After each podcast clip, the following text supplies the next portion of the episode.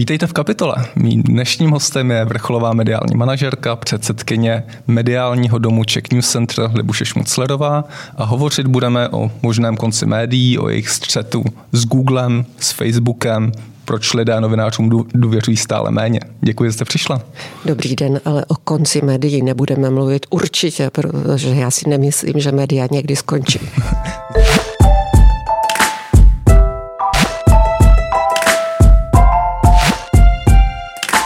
Začněme možná trošku osobnější otázkou. Co čtete za média? Jaká média čtete? A teďko nemyslím ty pracovní, když jako, jako předsedkem představenstva určitě máte přehled o všech titulech z vaší produkce, ale mm, zájmové. Ty jo, to je jako otázka, já spíš screenuju, než čtu, hmm. protože pro mě screening znamená několikrát za den opravdu si projet, eh, co je v České republice i to, co mi chodí do mailu, tím myslím různé, mm, eh, různé eh, newslettery ze světových médií, takže spíš podle zájmu já potom skáču, hmm. ale snažím se vlastně mít co největší přehled, takže nejsem klasický spotřebitel jako kdokoliv hmm. jiný. Noviny, televizi konzumujete? E, pro mě je to práce, takže já vlastně permanentně do sebe ty informace sáknu hmm. a tím pádem mm, pro mě konzumace už není nikdy něco, co je relax. To může být maximálně kniha. Mm-hmm, rozumím. Eh, já bych se právě od těch novin chtěl trošku odrazit dál. Noviny nebo novinový trh samozřejmě dostal během koronavirové krize velký zásah, ať už z pohledu uh, limitace prodejů nebo z pohledu, z pohledu poklese inzerce. A ten propad je dlouhodobý ostatně. Když se podíváme na čísla za posledních deset let, tak se masivně propadly všechny, všechny tituly, ať už malé nebo velké. Jakou vidíte budoucnost v tomhle ohledu? Bude se ten novinový trh, trh deníků stále propadat? Narazí na, na dno? Tak eh, to je široká otázka, nicméně vy mluvíte o velkých propadech, oni samozřejmě značné jsou. Na druhou stranu, my jako Česká republika je máme menší, mírnější, než to, co třeba teďka vidíme ve Velké Británii nebo v Americe, protože třeba za poslední rok Amerika, když se zprůměrují všechny noviny, tak v některých případech spadla eh, až o 60% hmm. právě v tom deníkovém trhu. Británie je na tom lépe, ale u nás my dorovnáváme porovnáme v letošním roce pravděpodobně to, co jsme loni ztratili, lépe řečeno ten trend se neporuší, bude tam zub, ale vrátíme hmm. se na tu trajektorii. Ehm, v dlouhodobém hledisku noviny určitě dál dolů půjdou, ale předpokládám, hmm. že se potom ten pokles zastaví, protože nevím, jestli jste měl šanci vidět ehm, různé výhledy, které jsou zhruba staré dejme tomu sedm let, kde se i na oficiálních fórech hovořilo a byly uváděny tabulky, kdy v jaké hmm. zemi skončí noviny. A Česká republika, pro vaši informaci, pokud jste to neviděl, tak měla skončit s novinovou produkcí v roce 2024. Hmm. Tak k tomu se ani neblížíme. Já si osobně myslím, že noviny jako tvar v nějaké míře zůstanou. Je otázka, jestli hmm. budou potom na novinovém papíře nebo budou posílány jako elektronické fyzické vydání do buď tabletu nebo do nějakých jiných nových devices, ale hmm. že výběr, to znamená nějaký, nějaký tvar, který je už předpřipraven jako hotový pro toho uživatele, jako hotové samery toho dne, že bude výhodou vždycky. O to, nebo o co jiné jsou dneska vlastně, když se podíváte na newslettery zasílené hmm. mailem, protože tím, jak oni jdou dál a dál, tak se víceméně začínají přibližovat skoro až v některém případě tištěným novinám. Hmm. Ty kategorie budou splývat čím dál tím dále, více podle vás? Tak to už splývají teď taky, protože když byli dřív klasičtí publisheri, hmm. tak to byli vydavatelé, dejme tomu novin a vedle toho byla televize a vedle toho rozhlas. Dnes eh, mediální domy jsou multimediální, protože je normální, že ten obsah, eh, ať už eh, televize dělají internet, ale my jako publisheri děláme podcasty, děláme video, hmm. do toho samozřejmě fotografie a um, k tomu cokoliv dalšího, co se bude dál vlastně objevovat, protože hmm. um, ta multimediální informace má daleko větší hodnotu a k ní se budou snažit přiblížit úplně všichni. Hmm. Když zůstaneme ještě u těch papírových novin v rámci vašeho vydavatelství, kam spadá například Sport, Deník Blesk, E15, chystáte v tomhle ohledu nějaké významné změny, například, jak jste zmiňovala, ten přechod, přechod na, čistě do elektronické formy? Eh, jenom čistě ne. My máme čtyři deníky, ještě vlastně je k tomu aha, ale ani v jednom z nich v tuhle tu chvíli není na stole téma, hmm. že by jsme zrušili ten deník a přešli jenom na elektronické vydání. Hmm. To elektronické vydání je součástí nabídky, to znamená, budeme se určitě snažit ho víc propagovat, speciálně pro mladší cílovou skupinu, která je přirozeně k tomu elektronické, nebo k té elektronické konzumaci afinitní, ale zrušit v tuhle tu chvíli noviny je velmi, nebo byl by překvapivý krok. Hmm. Tak nebavíme se o této chvíli vy máte hmm. ve své kompetenci ten střednědobý, dlouhodobý výhled, tak to taky v tomhle kontextu se snažím ptát na tuhle otázku. Helejte se, dokud eh, ty prodeje jsou takové, jaké jsou, tak bychom byli sami proti sobě, kdybychom něco takového udělali. Může hmm. se to změnit, ale zatím, protože eh, kombinace prodaného nákladu, inzerce eh, je vždycky to, to hlavní kritérium a nám to do této chvíle vycházelo tak, že na to nesahat. Hmm. Vy jste zmínila eh, digital, digitalizaci velkou, kterou procházejí už všechna velká vydavatelství v České republice. Czech News Center pochopitelně nevydýmaje. Nicméně s digitalizací vlastně jste více šlápli na pedál, mi přišlo v posledních mm-hmm. měsících, když do skupiny přišel pan Juraj Felix mm-hmm. na pozici co-CEO. Mm-hmm. To znamená, vedle vás zároveň vy jste se po 13 letech, pokud eh, počítám no, správně, no, 14, po 14 letech, eh, tak jste se přesunula eh, z pozice nejdřív výkonné CEO na co-CEO a nyní do pozice předsedkyně představenstva. Jaká je vlastně myšlenková úvaha za tímhletím přesunem, protože já jsem hledal v tiskových zprávách, ale tam to bylo velice stručně popsané tak eh, on je to poměrně přirozený vývoj, protože mm, my rosteme. A mm, rosteme v průběhu celých těch let, eh, mm, minimálně mám-li jako konkrétně popisovat těch 14 let, protože na začátku jsme přikupovali, přikupovali jsme právě i noviny, později jsme přikupovali celé části vydavatelství, vys eh, Mladá fronta a čekal nás obrovský skok právě v té digitalizaci, což je nejvíc rozhodnutí majitele, jestli do té části bude investovat. A my máme osvíceného majitele, který investovat chce.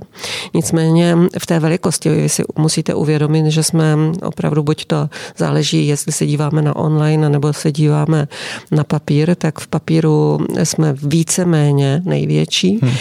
S Mafrou to je tak jako 50-50.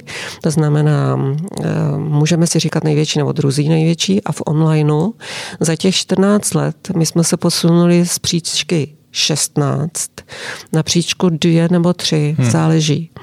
A teď bylo nutné ten další růst skutečně vypodložit. To znamená, my jsme se potřebovali posílat, posílit, což znamená i přivízt do domu jinak kvalifikované lidi.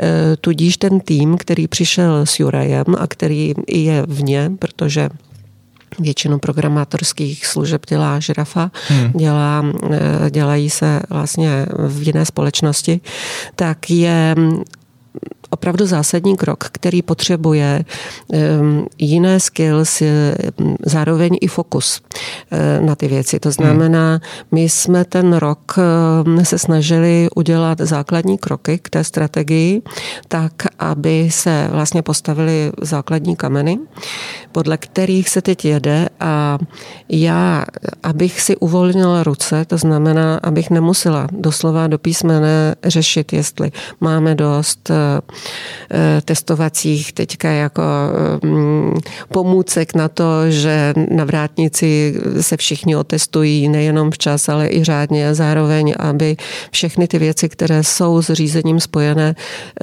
vám nezabíraly čas na to, co má posunout ten dům. Co vy mhm. vlastně v tom strategickém pádem, směru. V tom strategickém směru to znamená, aby i mně se uvolnily ruce a tu zkušenost, kterou mám, nejenom která se týká těch 14 let, ale která se týká i toho předchozího působení, tak se vlastně dala zúročit. Hmm. A to mezi běžným chodem děláte buď po nocích, anebo opravdu takovým jako, nechci říct, že náhodným způsobem to v žádném případě, ale rozhodně se na to nemůžete soustředit. Hmm. Byl to původní plán, že se přesunete do této role už ve chvíli, kdy pan, kdy pan Felix přicházel do, vydatel, do ono vydavatelství? Se ono se nevědělo, jak všechno půjde rychle a jak se to bude dařit. To hmm. znamená, že by někdo na začátku řekl, bude to do roka, do dne, to určitě takhle nebylo a zároveň přišel covid, o kterém nikdo nevěděl.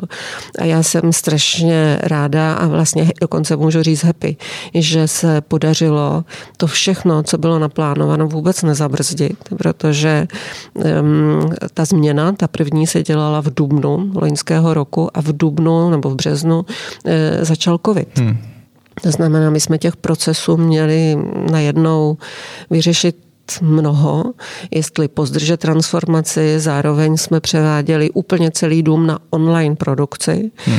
Eh, protože my jsme skutečně do té doby eh, byli v, v, v půl provozu a do toho března se nic nedělalo tak na dálku jako od toho března, kdežto teď, eh, dá se říci do roka a do dne, jsme schopni dělat už všechno. Hmm. Online, na dálku.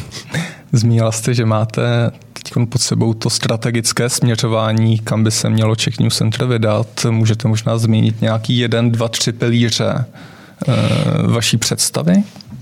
No, víte co, no je to to, co jsem naznačoval, že základní kameny se postavily v průběhu loňského roku a teď se po nich běží. To znamená, ty základní pilíře je opravdu na pozadí. Na pozadí změnit technologie a na pozadí vybudovat silný digitální dům, který má veškerou analytiku, má maximum dat, která hmm. v tuhle tu chvíli my jako mediální dům můžeme mít.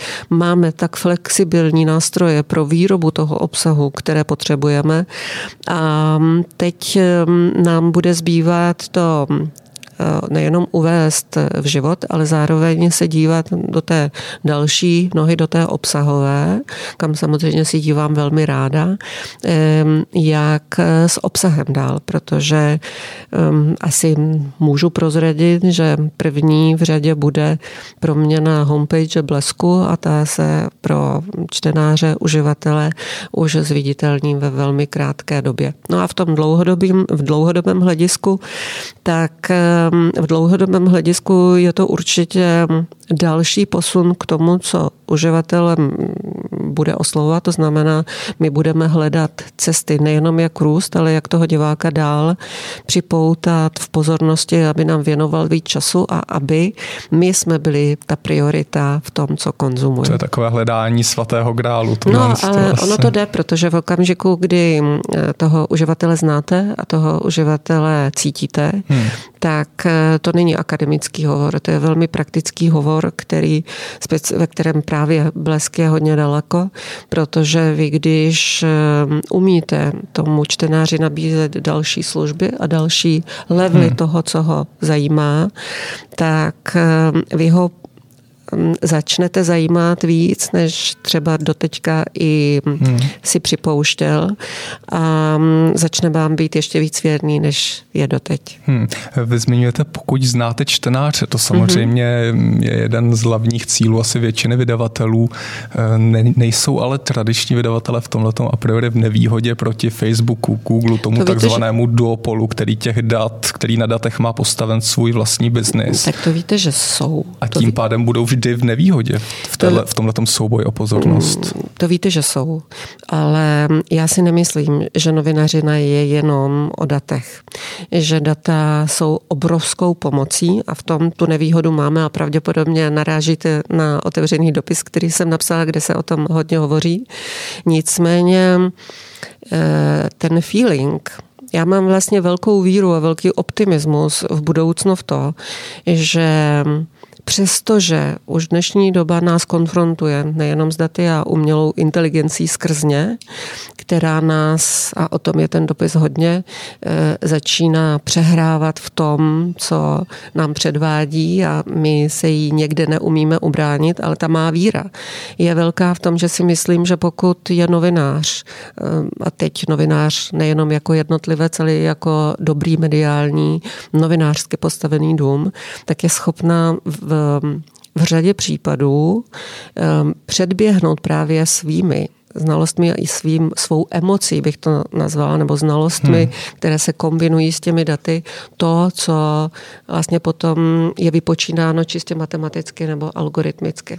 Hmm, kvalita na úkor kvantity. To není takhle, jako to je spíš narážka na Jacka Ma, eh, to znamená zakladatele Alibaby, eh, který tuším před dvěma lety na eh, fóru v Davosu říkal, že si myslí, že umělá inteligence nepůjde přehrát od obyčejného člověka, že si myslí, že by se měli děti ve škole učit to, co umělá inteligence jim předvede lépe do dvou let, do tří let, ale že by se měly rozvíjet um, ty stránky osobnosti, které jsou jiné, které jsou o kooperaci, které jsou hmm. o, dejme tomu, kreativních složkách osobnosti, které ta umělá inteligence bude dohánět hůř.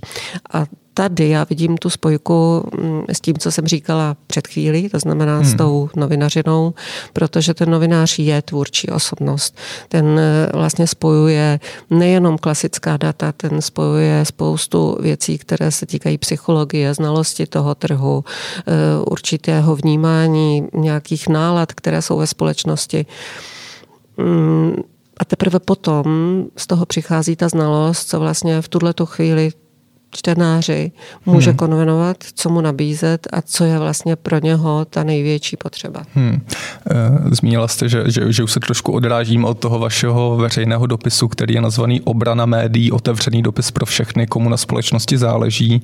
Ten otevřený dopis je publikovaný například na webu Reflex.cz, pokud se nepletu, takže čtenáři a posluchači si ho můžou přečíst tam.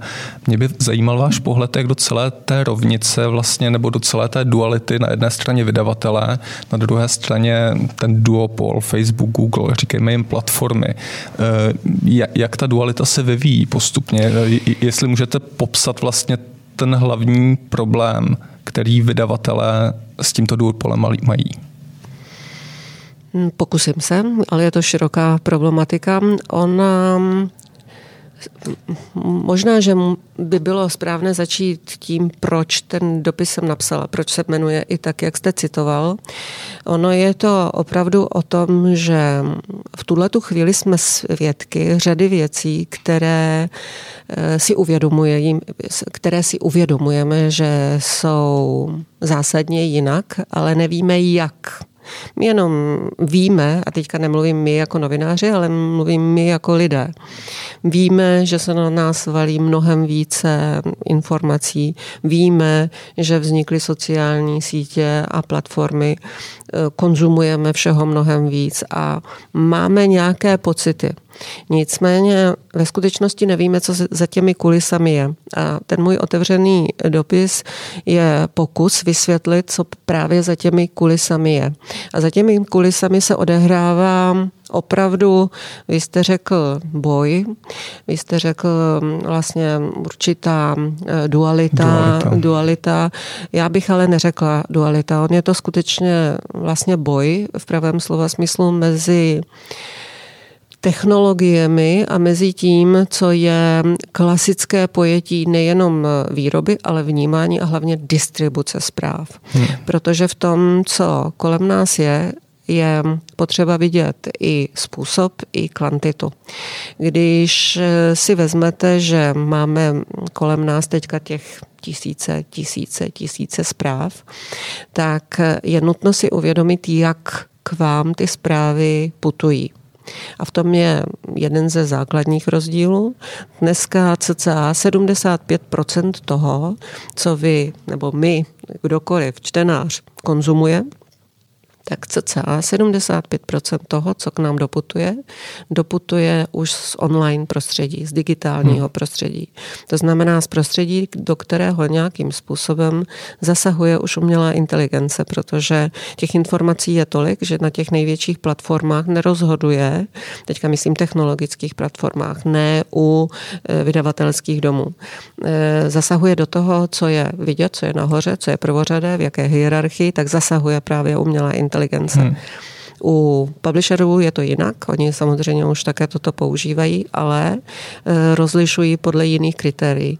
To, co je jinak, je, že v těch 72% dokonce půlka přibližně 49% se spotřebovává zpráv ze sociálních sítích a tam ta informace, ty, které k vám doputovávají, nemají za sebou ten důvod, který má publisher, protože publisher, klasický publisher má základní zájem informovat, eventuálně pomáhat porozumění světu a tak dále. Technologické platformy, technologické platformy mají zájem jiný. Oni mají základní zájem držet vaši pozornost jakoukoliv cenu a jakýmikoliv způsoby, technologickými, mm, hmm. algoritmickými jinými. To znamená, oni eh, prioritizují tím pádem úplně jiný typ zpráv. Nicméně my jako uživatel máme pocit, že k nám plynou ty informace tak, jak jsme byli doteďka zvyklí. To hmm. znamená, hmm.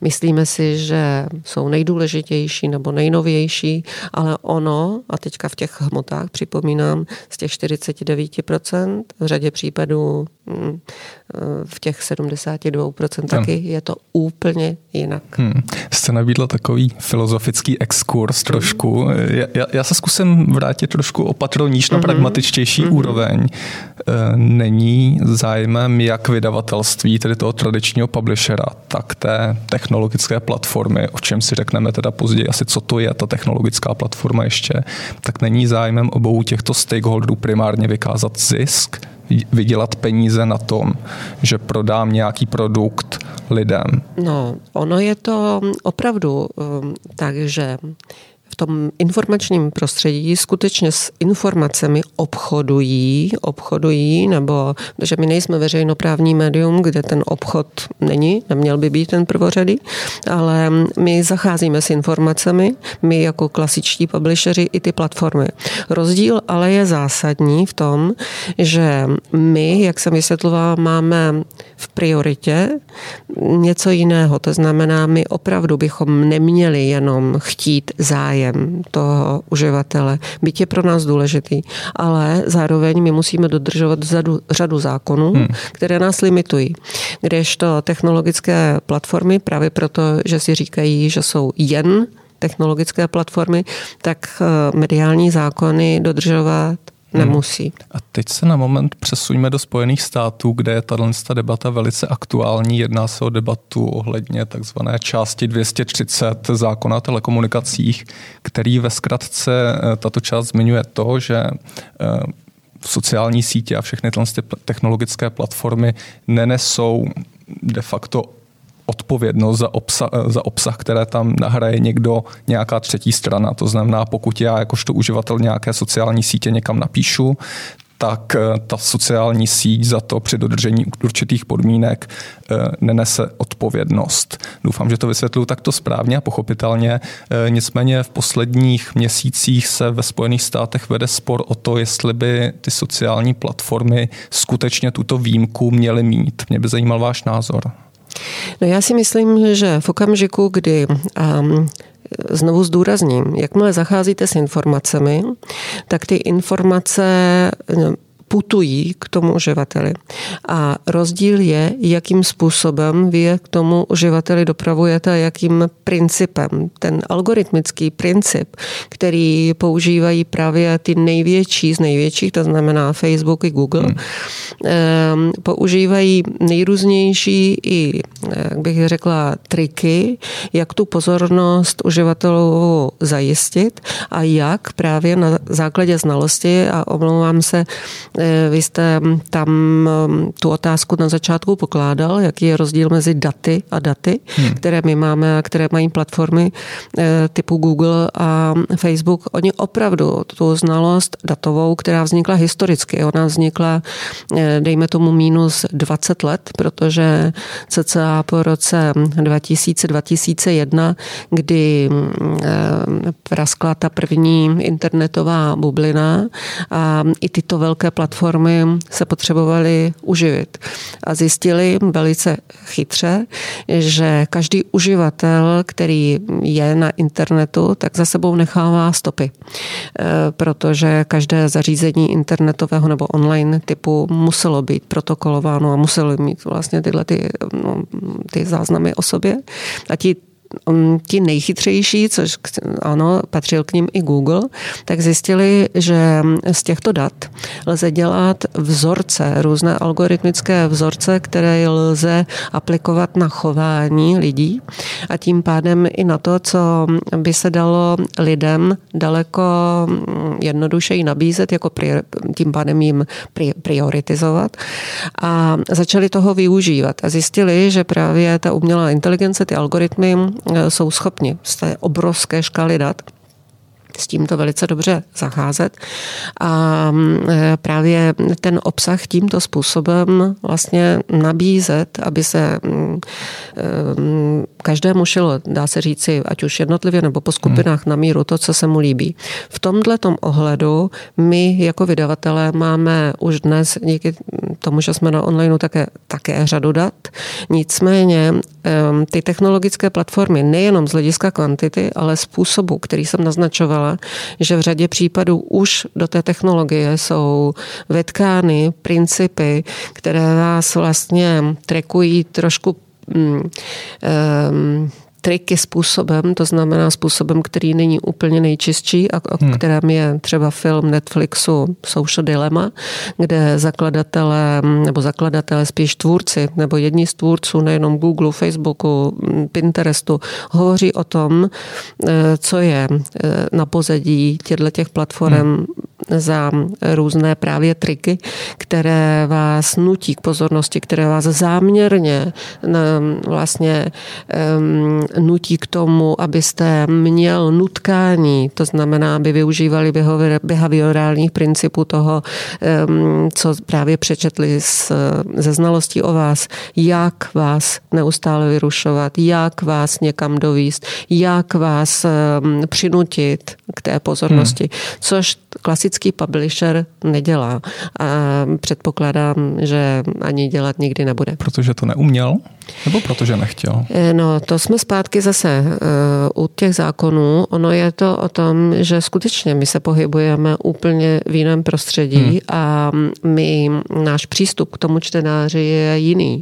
Jak jsem říkala, klasické domy mají cíl informovat, oni jsou i hlídač demokracie, oni skutečně vlastně se snaží eh, a měli by snažit v řadě případů hledat řešení, naznačovat řešení, hmm. vést tu diskusi ty mm, platformy tohleto vlastně mm, naprosto ve svém vínku nejenom, že nemají, ale v úvozovkách na to hmm. kašlou. Mm, jejich základní cíl je vydělat a tomu přizpůsobují vše. Hmm. Další parametr jsou mediální zákony, to znamená co můžete, co nemůžete a za co jste zodpovědný. Protože a teď k tomu, na co jste se ptal naposledy, jestli si myslím, že by platformy měly být hmm. pod stejnou kuratelou.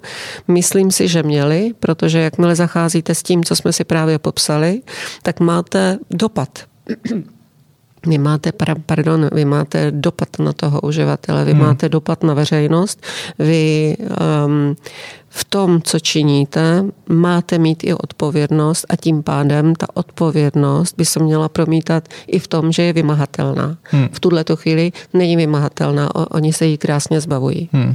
Když se teď podíváme do světa trošku šířeji, tak vidíme určitou globální akci. Pomalu vyrůstá legislativa právě v tomto ohledu. Nedávno jsme viděli, viděli přijetí legislativy v Austrálii, eh, máme tady legislativu v Evropské unii, kde se implementuje copyrightová směrnice takzvaná. Eh, jsou debaty ve Spojených státech, diskuze jsou v Kanadě, v Indii, v, v Velké Británii. Eh, vnímáte v poslední době, v posledních měsících, letech takovou globálnější akci, která by měla narovnat tohle prostředí mezi vydavatele a sociálními sítěmi, respektive mezi státy a sociálními sítěmi? Samozřejmě, že ano, ale už jenom z toho, co si tady říkáme, je vidět, předpokládám, jak je to široká problematika. To znamená, ono je to něco, co vlastně, vš, nebo to, co se popisujeme, tak eh, to daleko, daleko uteklo všemu, nejenom na co jsme zvyklí my jako uživatelé, to uteklo i legislativě, to uteklo i pojmosloví, to uteklo mm, leda z čemu. A tím pádem teď napravit to všechno je velmi komplikovaný proces, protože mezi tím stihli ti nejšikovnější, největší právě vyrůst do absolutních hegemonů, poněvadž my se tady nebavíme o tom, že máme jenom problém, že k nám jako běží něco skrz umělou inteligenci. My máme problém, že skutečně dneska mediální prostor celého světa, říkám, že ovládají jako sociální sítě jistě, ale uvědomě, uvědomme si, že ku příkladu Facebook z hlediska sociálních sítí je celosvětovým hegemonem v cca 73%. Eh, Google mezi vyhledávači, to znamená druhý zásadní poskytovatel zpráv, hmm. tak ten je z hlediska zase celosvětového asi v 86% zastoupení hmm. mezi všemi ostatními. To znamená, to je ten hlavní jakoby důvod, proč se mluví o duopolu. A ten eh, problém je nejenom daný tím vším vyřčeným dříve, ale i tím, že to je v tuto chvíli vlastně duopol monopol, který si kromě jiného diktuje i řadu podmínek, co tím pádem udělá hmm. nebo co neudělá to já tady nespochybnuju nějakou existenci duopolu, spíš mě zajímal váš pohled, protože vy i sedíte v, ve Světové asociaci publisherů, tak vlastně jestli vnímáte nějakou koordinovanou globálnější akci, která by se snažila, jestli je tady ten to přístup, buď to teda ano, regulovat to, na nějaký globální úrovni, vyměňovat to, si zkušenosti, koordinovat postup. To stoprocentně ano, ale eh, Van Ifra je světová, takže tam těch zájmů se kříží zrovna víc. Hmm. Amerika hmm. je na tom jinak, Evropa je jinak, eh, v Americe se z hlediska duopolu říká, podívejte se, ta Evropa to začíná dělat zajímavě, neměli bychom tudíž také se hmm. dívat tímto směrem. E, úplně na tom jinak je Azie, protože to je mm, z hlediska Číny samozřejmě výchylka, Rusko to tež, ale to bychom spíš už eh, se dotýkali jiných a politických oblastí. Ta koordinace je, je v tuhle chvíli na evropské úrovni daleko nejvíc, nicméně už jenom z toho, co jste citoval, jenom některé se týkají těch globálních zodpovědností, protože na evropské eh, úrovni se v tuhle chvíli připravují Digital Service Act a Digital Market Act zákony, které by měly nahradit ty předchozí a které se budou snažit globálně, globálně vlastně eh, tu tematiku, kterou tady probíráme nějakým způsobem uchopit. Austrálie i zde eh, předpřipravovaný jiný zákon, to znamená zákon o autorském právu, tak to jsou úplně zase jiné oblasti, které se snaží zaměřit na parciální část, to znamená eh, na část, aby tyto platformy platily hmm. publisherům za to, co ve skutečnosti využívají ve svůj prospěch a neplatí za to. Což vlastně jste kritizovala i vy velice hlasitě z pozice. Z pozice.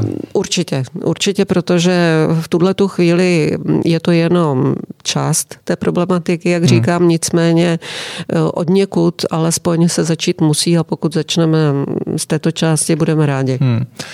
Jsou podle vás i další sektory, podobně jako novináři, tak, tak další sektory, které vlastně, nechci říct doplatí, ale doplatí na tu rozpínavost duopolu. Já jsem teď četl zajímavou vlastně úvahu od, eh, od Juvala Harareho, který zmiňoval, že vlastně reklamní průmysl je další na řadě, protože ve chvíli, kdy vlastně Google nebo Facebook o nás budou vědět všechno, jaký jsme, jak, jaké máme preference a tak dál, tak už nebude potřeba žádná reklamní agentura, aby mi řekla, jestli, jestli si chci koupit víc Mazdu nebo víc Jaguar, ale řekne mi to prostě Google na základě toho, jak mě on poznal a bude to ten správný pohled.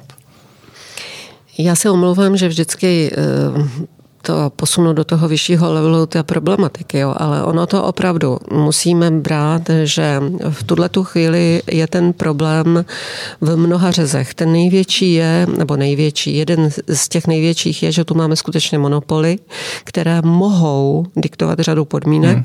a nejenom nám, na co se ptáte, ale i e-shopům, i všem, kteří, nebo do jejichž biznisu oni zasahují. A oni v tuhle tu chvíli skutečně si ty dikt ty podmínky diktují, oni si diktují, jaký typ, jaký typ obsahu eh, budou chtít preferovat eh, pro tu svoji hmm. novou službu eh, Google News Showcase. Oni si diktují, jaká, jaký typ inzerce se vlastně bude nebo může zobrazovat formátovým způsobem hmm. či dalším a tak dále a tak dále a tak dále. Za některé věci typu, kdy prioritizovali svoje, svoje služby, dostali i pokuty, to se ví, ale to je jeden typ, se kterým je nutno se vypořádat, jestli monopoly tohohle toho typu a monopoly z hlediska hospodářského jsou v pořádku. Já si myslím, že nejsou. Monopol v tom, v tom dopadovém slova smyslu eh, je jedna z těch věcí, o kterých jsem hm, hovořila, že si ho neuvědomujeme. Že ve skutečnosti teď ten dopad toho, eh, co i Google, i Facebook do vlastně setting mind společnosti mají, je mnohonásobně větší, než si myslíme. Protože v České republice je eh, jenom tito dva mají, a to k ním můžu přičíst ještě YouTube a Instagram, protože patří do stájí eh, majitelů, eh, tak dohromady vlastně mají mnohonásobně větší zásah než třeba televize. Hmm. A tím pádem to, co jsem zmiňovala, vezměte si, že Klasický občan České republiky, když konzumuje nebo když ehm, eh, řekneme, že dneska něco víte, tak ten starší možná to bere z televize, protože se podívá na klasické zpravodajství. Ty mladší cílové skupiny, speciálně když chtějí být eh, informovány online, tak ehm, my se od té statistiky nelišíme, to znamená připomenu 75% z digitálního prostředí, 50% přibližně ze sociálních hmm. sítích. A teď, a znovu jenom zopakuju tu pointu. Ta sociální síť vám ne, nedává do vašeho zorného úhlu to, co je nejdůležitější. Ta vám dává to, co si myslí, že vás nejvíc přinutí buď to klikat, anebo k, k další akci a setrvání. Hmm. Což většinově jsou zprávy extrémní, což jsou většinově zprávy takové, které zvuzují vaši emoci.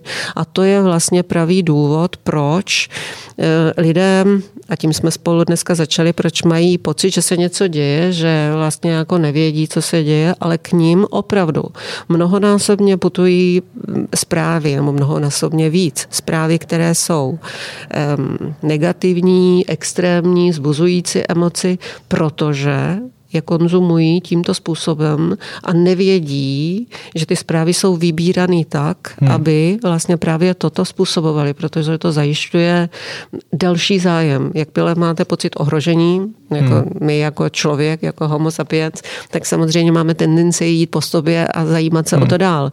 Tím pádem, když vás někdo trekuje zprávou, která je extrémní, je nějak excitující, tak eh, vy máte pocit, že musíte ještě víc, protože co kdyby vás to ohrožovalo zítra nebo za hmm. hodinu.